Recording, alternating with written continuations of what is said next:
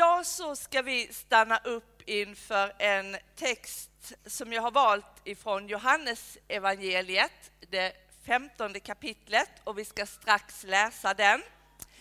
Men jag tänker för att sätta den i sitt sammanhang att säga att ni har ju precis som Isa berättade flera söndagar stannat upp inför nådegåvorna och nådegåvornas roll i församlingen, om de tre relationerna till Gud, eh, upp till Gud, in i gemenskapen och idag så ska vi alltså tala om ut till samhället. Människor och samhällen förvandlade av Jesus, det som också är EFS vision. Vilken roll har församlingen och de gåvor som Anden har gett oss när vi lever i liksom ett utflöde till människor runt omkring? Hur är vi med när Jesus förvandlar världen? Eh, den text vi ska läsa ifrån är hämtad i ett större sammanhang. Det är precis innan Jesus dödas, eller Jesus fängslas och dödas. Och Jesus han håller ett tal till sina lärjungar, eller tal och tal, han undervisar dem. Och vid den här undervisningen då är det som att Jesus vill summera någonting av det viktigaste som han har sagt. Och nu vill han att hans lärjungar ska ta med sig den här undervisningen därför att de kommer gå in i en ny tid och en svår tid. Och Jesus kommer inte fysiskt att vara närvarande bland dem som han har varit under de år som har gått. Så jag tänker att det är som att Jesus ger dem en sista instruktion. Det är som att han ger dem en kom ihåg-lapp. Och det är några kapitel där i Johannes evangeliet. Och det är där vår text är hämtad ifrån det femtonde kapitlet. Och om du vill när du går hem så kan du sedan läsa kapitel 14, 15 och så några till och så får du med dig hela den där kom ihåg-lappen. Den är viktig för oss. Men jag tänker att vi ska stå upp och så ska vi lyssna till evangelietexten. Johannes 15, vers 1 till 10. Jesus säger, jag är den sanna vinstocken och min fader är vinodlaren. Varje gren i mig som inte bär frukt skär han bort och varje gren som bär frukt ansar han så att den bär mer frukt. Ni är redan ansade genom ordet som jag har förkunnat för er. Bli kvar i mig, så blir jag kvar i er. Liksom grenen inte kan bära frukt av sig själv om den inte sitter kvar på vinstocken, kan inte heller ni göra det om ni inte är kvar i mig. Jag är vinstocken, ni är grenarna. Om någon är kvar i mig och jag i honom bär han rik frukt. Utan mig kan ni ingenting göra. Den som inte är kvar i mig blir som grenarna som kastas bort och vissnar. De samlas ihop och läggs på elden och bränns upp. Om ni blir kvar i mig och mina ord blir kvar i er, så be om vad ni vill och ni ska få det. Min fader förhärligas när ni bär rik frukt och blir mina lärjungar. Liksom Fadern har älskat mig, så har jag älskat er. Bli kvar i min kärlek. Om ni håller mina bud blir ni kvar i min kärlek, så som jag har hållit min faders bud och är kvar i hans kärlek. Så lyder det heliga evangeliet. Lovad vare du, Kristus. Varsågod och sitt ner. Jesus ger oss i den här texten en bild för hur vi hänger ihop. Han är vinträdet och vi är grenarna. Kan ni se det framför er? Vet ni ungefär hur en vinstock ser ut? Och så kan ni se det, att han är vinträdet och vi är grenarna. Och så undervisar Jesus om det som verkar så självklart, att när grenen sitter fast på trädet så bär den frukt. Alltså vindruvor, det står ju inte i texten, men en vinstock bär ju vindruvor. Men sitter Sitter inte grenen fast på trädet så bär den ju ingen frukt överhuvudtaget. Har ni provat att klippa av någonting och så har ni lagt ner det på marken så kan ni ju se det där verkligen i praktiken om ni behöver göra liksom en övning när ni kommer hem. Jag ähm, känner en man som för några år sedan tittade ut genom sitt köksfönster och så såg han ett väldigt stort och yvigt träd där och så tänkte han det skulle bli mycket finare om jag tog bort lite grenar. Så han gick ut med en stege och en såg och så tog han bort lite grenar och så stod hans fru inne i köket och så tittade hon ut så sa hon det där blev väl inte bra? Nu ser vi ju till grannen. Och då blev mannen väldigt upprörd och så sa han då tar jag och sätter tillbaka grenarna. Och så tog han sin stege och ståltråd och hängde upp grenarna igen och det kan ju ni också förstå, det som inte han förstod att det där blev ju inte bra. Det blev ju aldrig liv i de grenarna igen. Det bibeltexten säger är att när vi är kvar hos Jesus så har vi del i honom. Samma sav som sprutar runt i vinstocken är i grenarna. När du känner Jesus är du en del av trädet och du har del i trädets liv. Den heliga Ande som ni då har pratat om här flera söndagar, han lever sitt liv i dig. Du är förenad med Gud, med Fadern, Sonen och den helige Ande. Jesus säger, jag är vinträdet, ni är grenarna.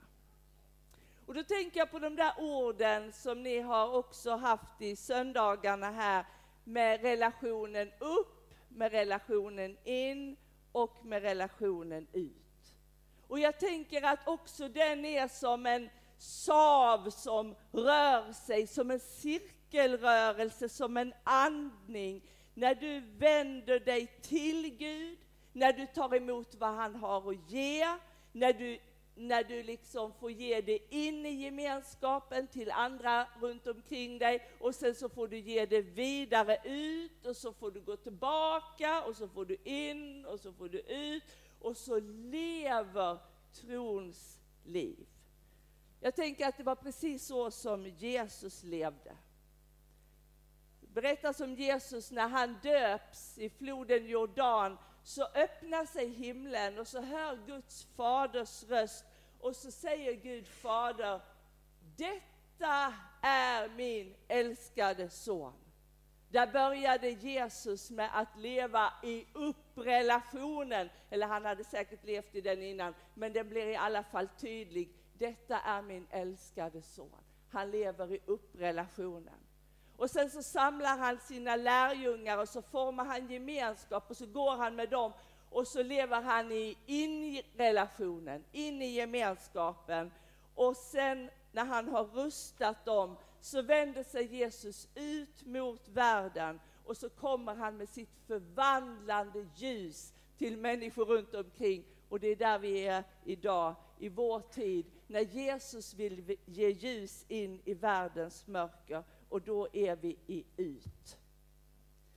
Det innebär att det som, när du är liksom fast, du är en del av vinstocken, när du är tillsammans med Jesus, när hans liv lever i dig, så är du också del i det som är Jesu uppdrag till den här världen.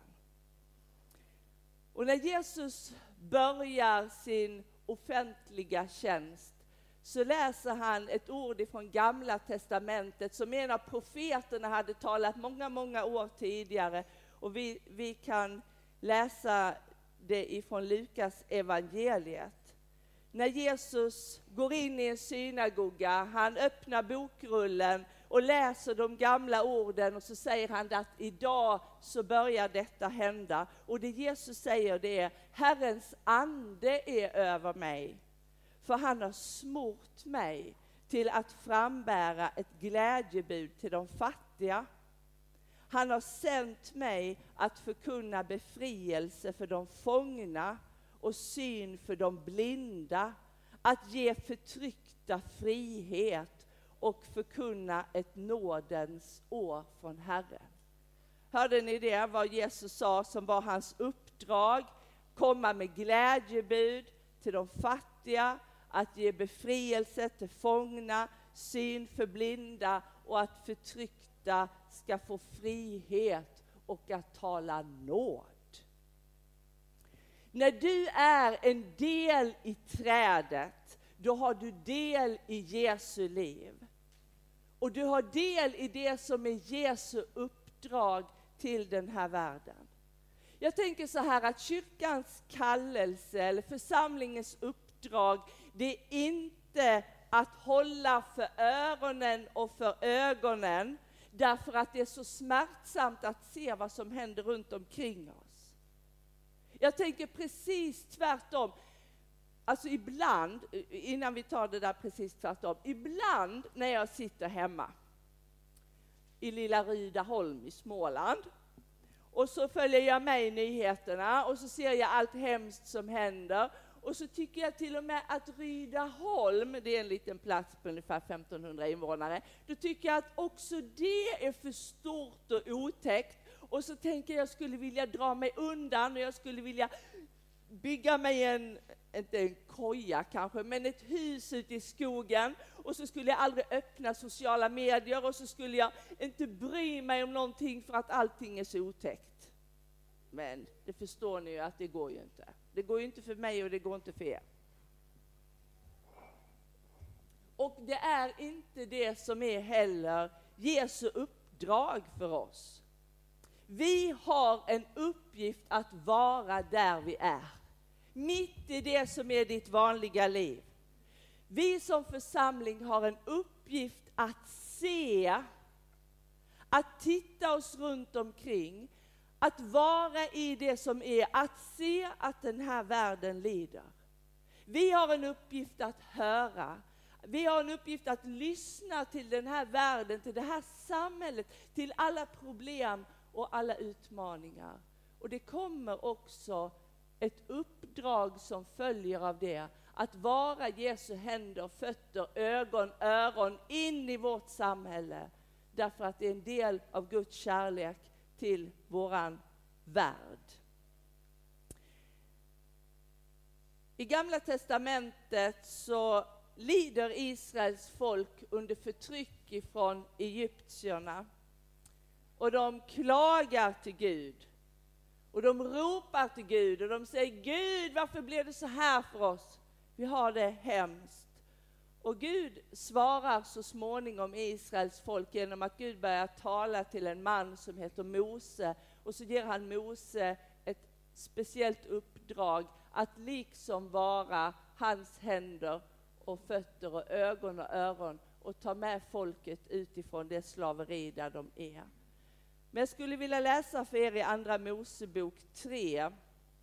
När Herren börjar prata med Mose så säger Herren så här.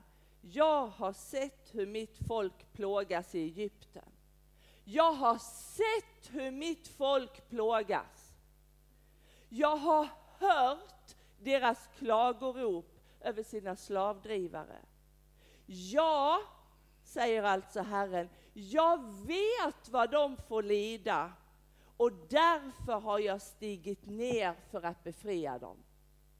Men det är inte så att, att Gud liksom själv kommer ner, utan då så ger han Mose uppdraget och så säger Mose, så gå nu Mose. Och Mose bara nej, men det är en annan berättelse så den tar vi inte nu. Men andens liv, den helige ande, den pulserande saven som lever i dig och i församlingen. Andens gåvor i funktion finns ju inte mitt ibland oss för att vi ska sitta och ha trevligt. Eller det är klart att vi ska ha det trevligt. Självklart så ska vi ha det trevligt. Men inte bara trevligt. Andens liv finns för att vi ska ha det trevligt, men också för att vi ska få kraft och mod att leva där du är ställd i din vardag med öppna ögon och öron och händer och fötter mot den här världen. När jag satt och förberedde mig inför att jag skulle vara här med er idag så tänkte jag så här. Vilka rop stiger från Helsingborg upp till Gud? Jag var ute i fredags och läste på Helsingborgs Dagblad. jag behöver inte berätta för er om er stads utmaningar och möjligheter. Men när jag satt och scrollade på nätet över i Helsingborgs Dagblad så tänkte jag så här, Jesus, har du några svar på det som det här samhället behöver? Är det så att Gud svarar på samma sätt som han gjorde till Israels folk? Att Gud säger till den här staden, till er som församling, till människor som ropar, så säger han, men jag har hört, jag har sett, jag har stigit ner, därför min församling är ju här. Min kropp finns här för att betjäna och älska den värld som jag har dött för. Om vi hade bläddrat vidare i Johannes texten och vi hade kommit lite längre fram i de här viktiga kapitlen så hade vi också kommit till ett kapitel där Jesus ber för sina lärjungar innan han ska lämna dem. Och då ber han så här. De tillhör inte världen, liksom inte heller jag tillhör världen. Helga dem genom sanningen, ditt ord är sanning. Liksom du har sänt mig till världen har jag sänt dem till världen. Alltså Jesus säger alldeles innan han tas till fånga, han ber till sin himmelske far. Han ber i den bönen att att han liksom sänder lärjungarna till att vara i den här världen samtidigt som han säger att de inte är av denna världen. Kanske skulle man kunna säga, vad betyder det för dig och mig idag? Kanske skulle man kunna säga så här, när du kommer till Jesus, då lever du i den här världen och du är en del av världen. Men när du kommer till Jesus och lär känna honom, då böjer du dig under Jesus och säger Jesus, nu lämnar jag mitt liv till dig. Nu är det du som är herre över mig. Nu handlar det inte om mig och mitt och jag och mina ambitioner, utan nu handlar det om dig och jag böjer mig under dig. Så genom korset så kan man säga att på ett sätt så säger du att nu är inte jag längre en del av denna världen, därför att nu är det du. Men sen när du reser dig upp, då har du blivit en gren i ett träd. Och saven sprutar igenom dig och då får du ta, ta emot igen det som är Guds sändning tillbaka till den här världen. Så på ett sätt så är du inte del av världen och på samtidigt så är du sänd till världen. Du ska inte leva på ett sätt som denna världens människor och bara sätta dig själv och dina egna ambitioner och ditt eget jag i centrum, utan som en gren i vinträdet så är det hans sav som sprutar genom dig. Det är hans liv, det är hans ande. Och det som borde vara församlingens glädje är att göra det som är Guds längtan och Guds vilja. Åh, tänker vi kanske, hur gör vi det? Ja, jag tänker egentligen att det inte är komplicerat alls. Jag tänker att det handlar om att leva ett helt vanligt kristet liv. Ja, men du är ju där, du är en gren på vinstocken. Du bär vindruvor. Du känner Jesus, hans ande bor i dig. Du är rustad med hans förmågor där du finns i din vardag, där du möter människor, där du sitter och fikar på jobbet, där du får vara med och prata med någon på bussen eller jag vet inte vad ni gör. Men där du är i din vardag och lever ett vanligt kristet liv. Där bär du frukt, där gör du skillnad, där är du med i sändningen till den här världen. Därför att du är hans ögon, öron, händer, fötter. Åh, tänk jag kan inte göra allt och det är så många människor. Ja, men jag har inte sagt att du ska göra allt. Tillsammans är ni Kristi kropp. Vi får liksom vara, tror jag, trygga i att vi får leva trons liv i det som är vår vanliga vardag.